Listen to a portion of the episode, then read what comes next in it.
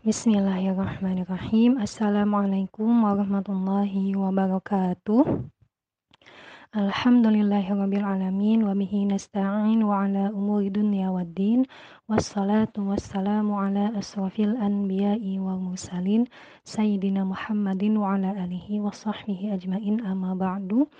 Alhamdulillahirabbil alamin. Puji serta syukur marilah kita panjatkan kepada Allah Subhanahu wa taala yang masih memberikan kita kesempatan untuk bermajlis ilmu pada sore hari ini.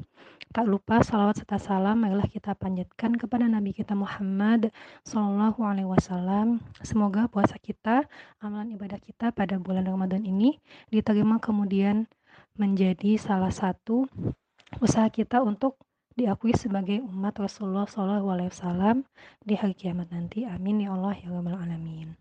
Alhamdulillah Rabbil Alamin pada sore hari ini saya diberikan amanah dari teman-teman Al-Islah ya untuk uh, sharing berbagi bersama-sama dengan teman-teman semuanya terkait uh, ukhuwah di tengah pandemi uh, pada saat ini. Oke, sebelum saya membahas tentang ukhuwah, saya ingin berangkat dulu dari sejarah gitu ya, sejarah Nabawiyah di mana ketika zaman Rasulullah SAW kita sudah barangkali sudah pernah mempelajari ya bagaimana kesetiaan sahabat-sahabat Rasulullah kepada Allah dan Rasulnya dibuktikan dengan berbagai ujian-ujian ataupun cobaan yang menimpa para sahabat. Akan tetapi mereka masih teguh berpegang kepada Islam dan juga kepada iman. Nah, di sini saya akan menceritakan sebuah kisah yang terjadi pada masa kekhalifahan Abu Bakar As-Siddiq radhiyallahu anhu. Jadi pada zaman Abu Bakar As-Siddiq menjadi khalifah, uh, ada satu perang yang bernama Perang Yarmuk. Nanti teman-teman silahkan silahkan membaca kembali ya. Nah, di sini saya ingin mengambil konteks tema kita pada saga ini yaitu khuah. Jadi ketika perang Yarmuk, Khalid bin Walid dijadikan sebagai panglima perang. Jadi beliau yang memimpin para pasukan kaum muslimin. Perang tersebut uh, perbandingannya sangat jauh ya antara kaum muslimin dengan kaum kafir begitu. Mereka pergi dari Madinah untuk dat untuk uh, pergi ke perang ini dengan perjalanan yang sangat jauh, kemudian mem membangun tenda-tenda camp atau camp-camp kaum muslimin. Nah, di sana terjadilah peperangan antara kaum muslimin dengan kaum kafir uh, yang kemudian menimbulkan luka-luka yang cukup parah kepada para sahabat uh, pada pada masa itu begitu. Nah, Khalid bin Walid sebagai panglima perang di sini bertanggung jawab untuk memastikan semua kaum muslimin baik yang gugur maupun yang masih uh, selamat itu untuk terutama yang selamat ya untuk uh, dirawat luka-lukanya dan sebagainya di camp-camp kaum muslimin. Nah, uh, setelah Khalid bin Walid memerintahkan kepada pasukannya untuk memastikan setiap uh, pasukan yang masih bisa diselamatkan, kemudian beliau ini mendengar ada seorang sahabat yang memanggil-manggil dengan lirih dengan luka-luka di tubuhnya berkata begini air, air, haus, haus, aku haus. Nah, Khalid bin Walid kemudian mencari-cari di mana asal suara ini. Akhirnya beliau menemukan ada seorang sahabat bernama Ikrimah di sebuah tenda dengan berlumuran luka, darah, dan sebagainya. Uh, memanggil-manggil, meminta tolong untuk uh, diminumkan air. Akan tetapi pada saat itu kondisinya sudah sangat memburuk. Jadi semua persediaan makanan, logistik sudah menipis, pun Khalid bin Walid hanya memiliki satu gelas air minum, yang itu hanya cukup untuk satu orang saja. Akhirnya Khalid bin Walid mencari-cari uh, lokasi Ikrimah, kemudian beliau berlari-lari gitu ya, uh, menuju ke tempat Ikrimah. Ketika sampai di tempat Ikrimah, Khalid bin Walid melihat kondisi Ikrimah yang sudah lemah, dan meminta tolong untuk dibawakan air. Kemudian Khalid bin Walid menyampaikan, e, wahai saudaraku Ikrimah, ini aku bawakan air minum untukmu. Bertahanlah, uh, minumlah air ini begitu. Nah, ketika Khalid bin Walid sudah mulai menyodorkan air minumnya, ternyata tidak tidak selang lama uh, seorang sahabat yang lain itu juga memanggil-manggil gitu, meminta tolong dan meminta air minum. Haus, haus, air, air. Tolong aku dan sebagainya. Nah, Ikrimah dan Khalid mendengar suara itu, yaitu saudara mereka yang bernama Haris. Ikrimah seketika ketika mendengar Haris meraung-raung gitu ya, meminta air, beliau langsung menyampaikan kepada Khalid bin Walid. Wahai saudaraku Khalid, berikanlah air ini kepada Haris. Sepertinya dia lebih terluka daripada aku. Aku masih bisa bertahan. Begitu. Khalid bin Walid kemudian uh, pada akhirnya dengan uh, akhir dengan apa ya istilahnya sudah meyakinkan Ikrimah untuk minum air tapi akhirnya dia pun mengikuti uh, kemauan Ikrimah untuk berlari menuju ke tendanya Haris dan menyampaikan air minum itu. Kemudian Khalid uh, menyampaikan bersabarlah wahai saudaraku Ikrimah, aku akan segera kembali ke sini dan memberikan air kepadamu. Akhirnya Akhirnya Khalid bin Walid kemudian lari ke tempat uh, tendanya Haris dan menemukan beliau ini sudah sama ya sama-sama terluka kemudian kondisinya sangat lemah kemudian beliau menawarkan air minum kepada Haris ini begitu wahai saudaraku Haris uh, ini aku bawakan air minum untukmu minumlah air minum ini hitungan detik kemudian ada seorang saudara, saudara uh, Haris ini ya, bernama Ayas. Nah, dia ini juga sama, meminta tolong untuk dibawakan air. Air, air, aku haus, haus, dan sebagainya. Haris yang mendengar suara ini, suara saudaranya Ayas ini, kemudian menyampaikan kepada Khalid. Saudaraku Khalid, sampaikanlah air ini kepada Ayas. Dia sepertinya lebih parah lukanya daripada aku. Aku insya Allah bisa bertahan. Begitu. Nah, di sini Khalid untuk yang kedua kalinya akhirnya mengikuti kemauan Haris untuk menyampaikan ayat itu kepada Ayas. akhirnya Khalid kemudian uh, sama ya berpesan kepada Haris, bersabarlah wahai saudaraku, aku akan kembali ke sini setelah aku menyampaikan ayat ini kepada Ayas. Kemudian Khalid bin Walid berlari kembali menuju ke tendanya Ayas dan menemukan Ayas juga sama. Dia terluka hebat, sangat hebat dan sangat lemah. Kemudian dia meminta untuk dibawakan air begitu. Sama ya, ya haus, haus, saya haus, tolong bawakan air dan sebagainya. Khalid bin Walid sampai di tendanya Ayas, kemudian beliau menawarkan air itu kepada Ayas. Ayas, ini aku bawakan air untukmu, minumlah, kau terlihat sangat lemah, begitu. Belum sampai air itu di mulut Ayas, Ikrimah, saudara kita tadi yang pertama, kemudian memanggil kembali, haus, haus, air, air. Nah, Ayas yang mendengar suara Ikrimah meminta untuk dibawakan air, akhirnya beliau menyampaikan kepada Khalid begini, eh, wahai saudaraku Khalid, berikanlah ayat ini kepada Ikrimah. Dia sepertinya lebih membutuhkan ayat ini daripada saya. Kemudian Khalid bin Walid di sini sangat bingung. Ada apa dengan kalian? Tadi saya sudah datang ke tanda Ikrimah, kemudian Ikrimah meminta saya untuk menyampaikan ayat ini kepada Haris. Kemudian setelah itu Haris meminta saya untuk menyampaikan ini kepadamu Ayas gitu. Nah, kemudian akhirnya pada akhirnya Khalid bin Walid mengikuti kemauannya Ayas. Beliau berlari kemudian menuju ke tendanya Ikrimah. Nah, sampai di tendanya Ikrimah, kemudian Khalid bin Walid um, me, misalnya apa ya? Uh, berkata begini ya. Wahai saudaraku Ikrimah, ini air untukmu. Akan tetapi ternyata Ikrimah sudah tidak menjawab di situ. Sudah uh, beliau sudah syahid begitu dalam perjalanan Khalid bin Walid menyampaikan ayat Innalillahi wa inna ilaihi raji'un. Khalid bin Walid kemudian uh, menyebutkan kalimat tersebut ya. Kemudian beliau kemudian langsung ingat kepada saudaranya Haris.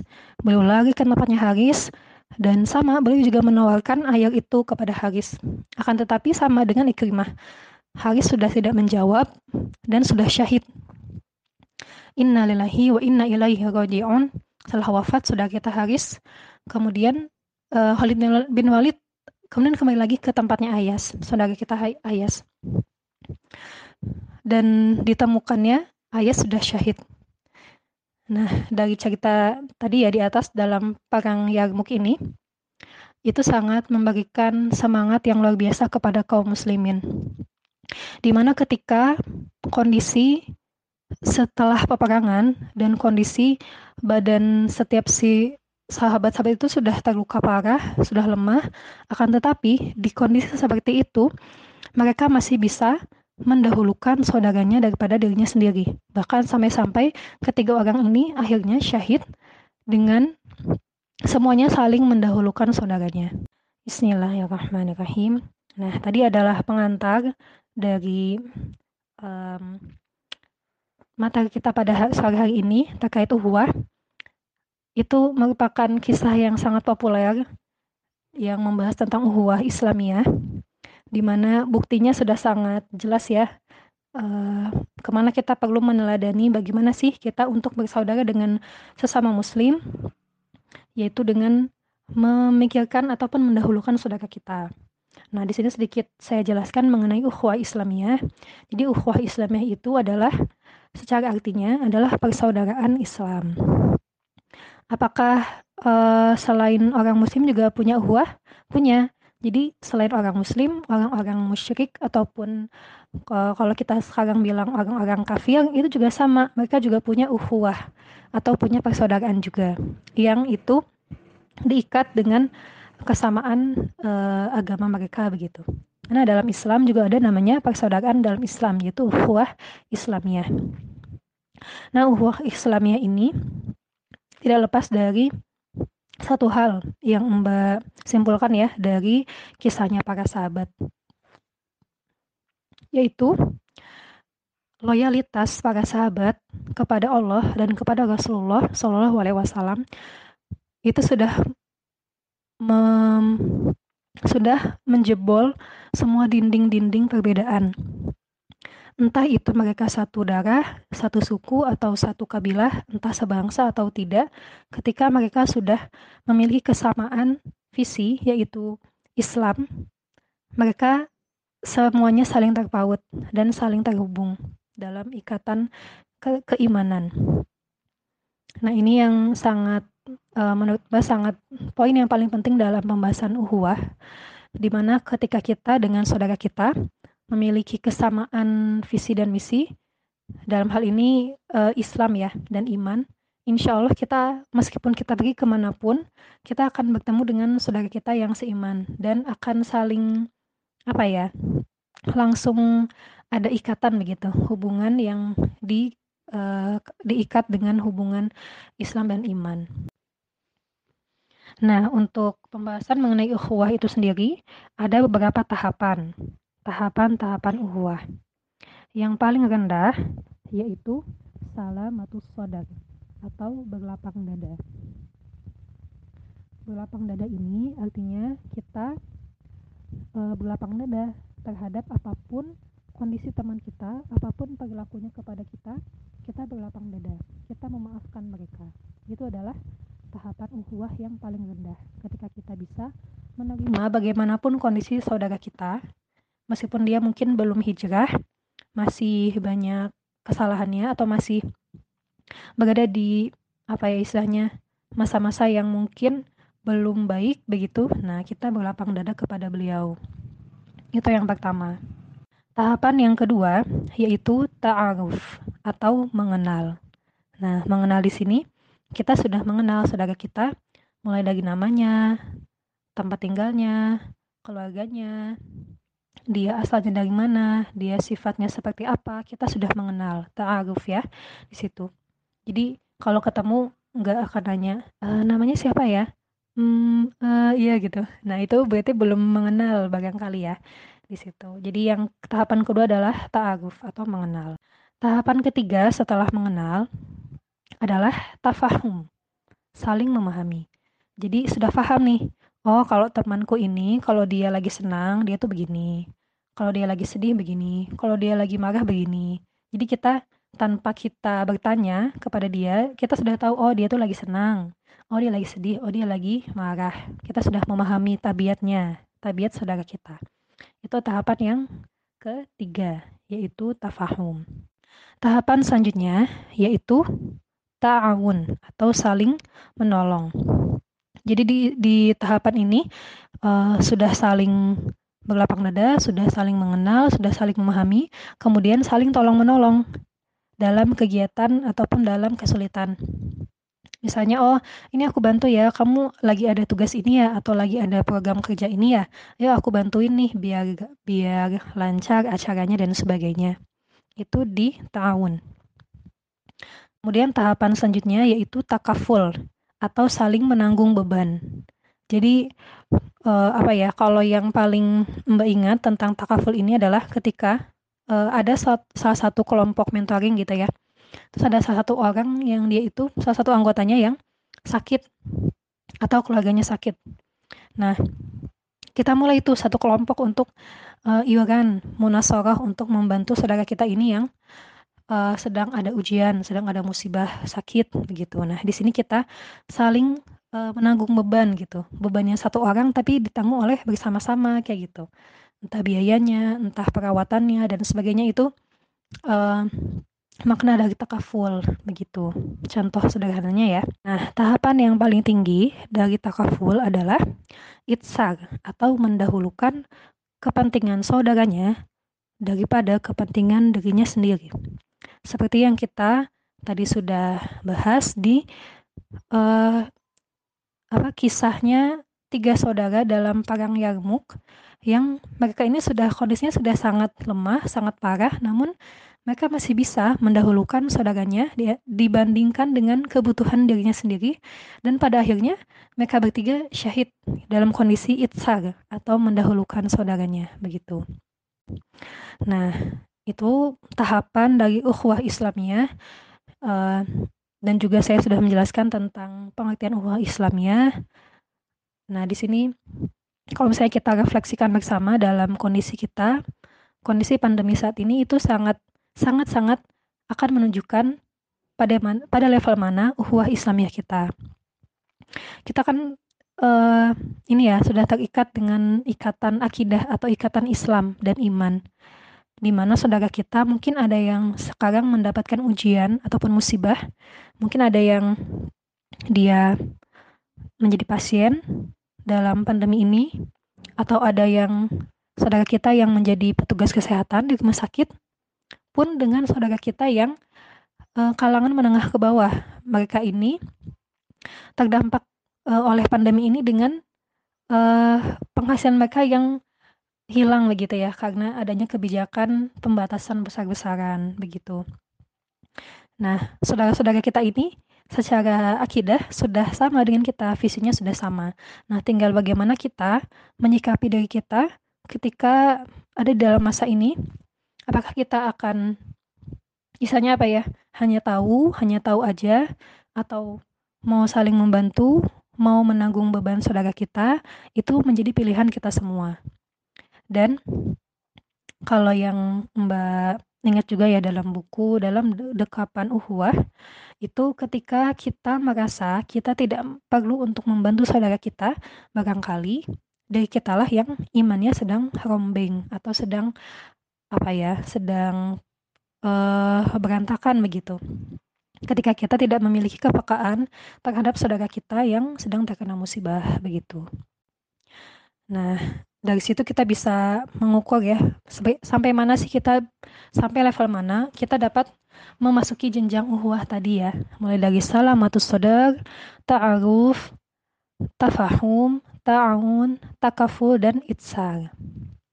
Nah itu ya. Apalagi di bulan Ramadan ini bulan yang penuh dengan uh, lipat ganda pahala di mana kita bisa um, apa ya mendapatkan sangat banyak sekali pahala dari uh, amalan-amalan kita.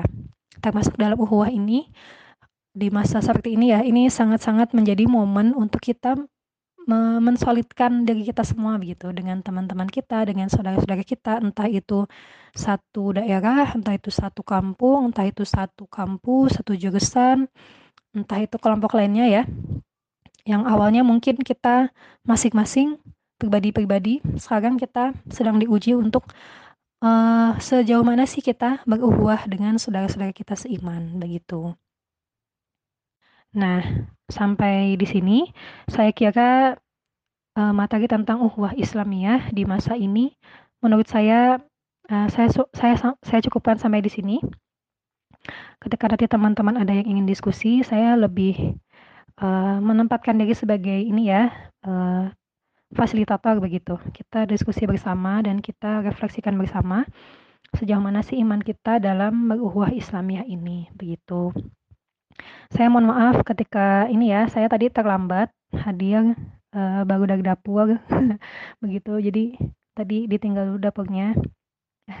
Kemudian ke sini membersamai teman-teman berbagi sedikit yang saya tahu tentang ukhuwah Islamiyah. Nah, mohon maaf apabila banyak kekurangan dari saya. Uh, semoga teman-teman semuanya di sini bisa mengambil manfaat dari yang sedikit ini. Terima kasih. Saya kembalikan kepada moderator. Wassalamualaikum warahmatullahi wabarakatuh.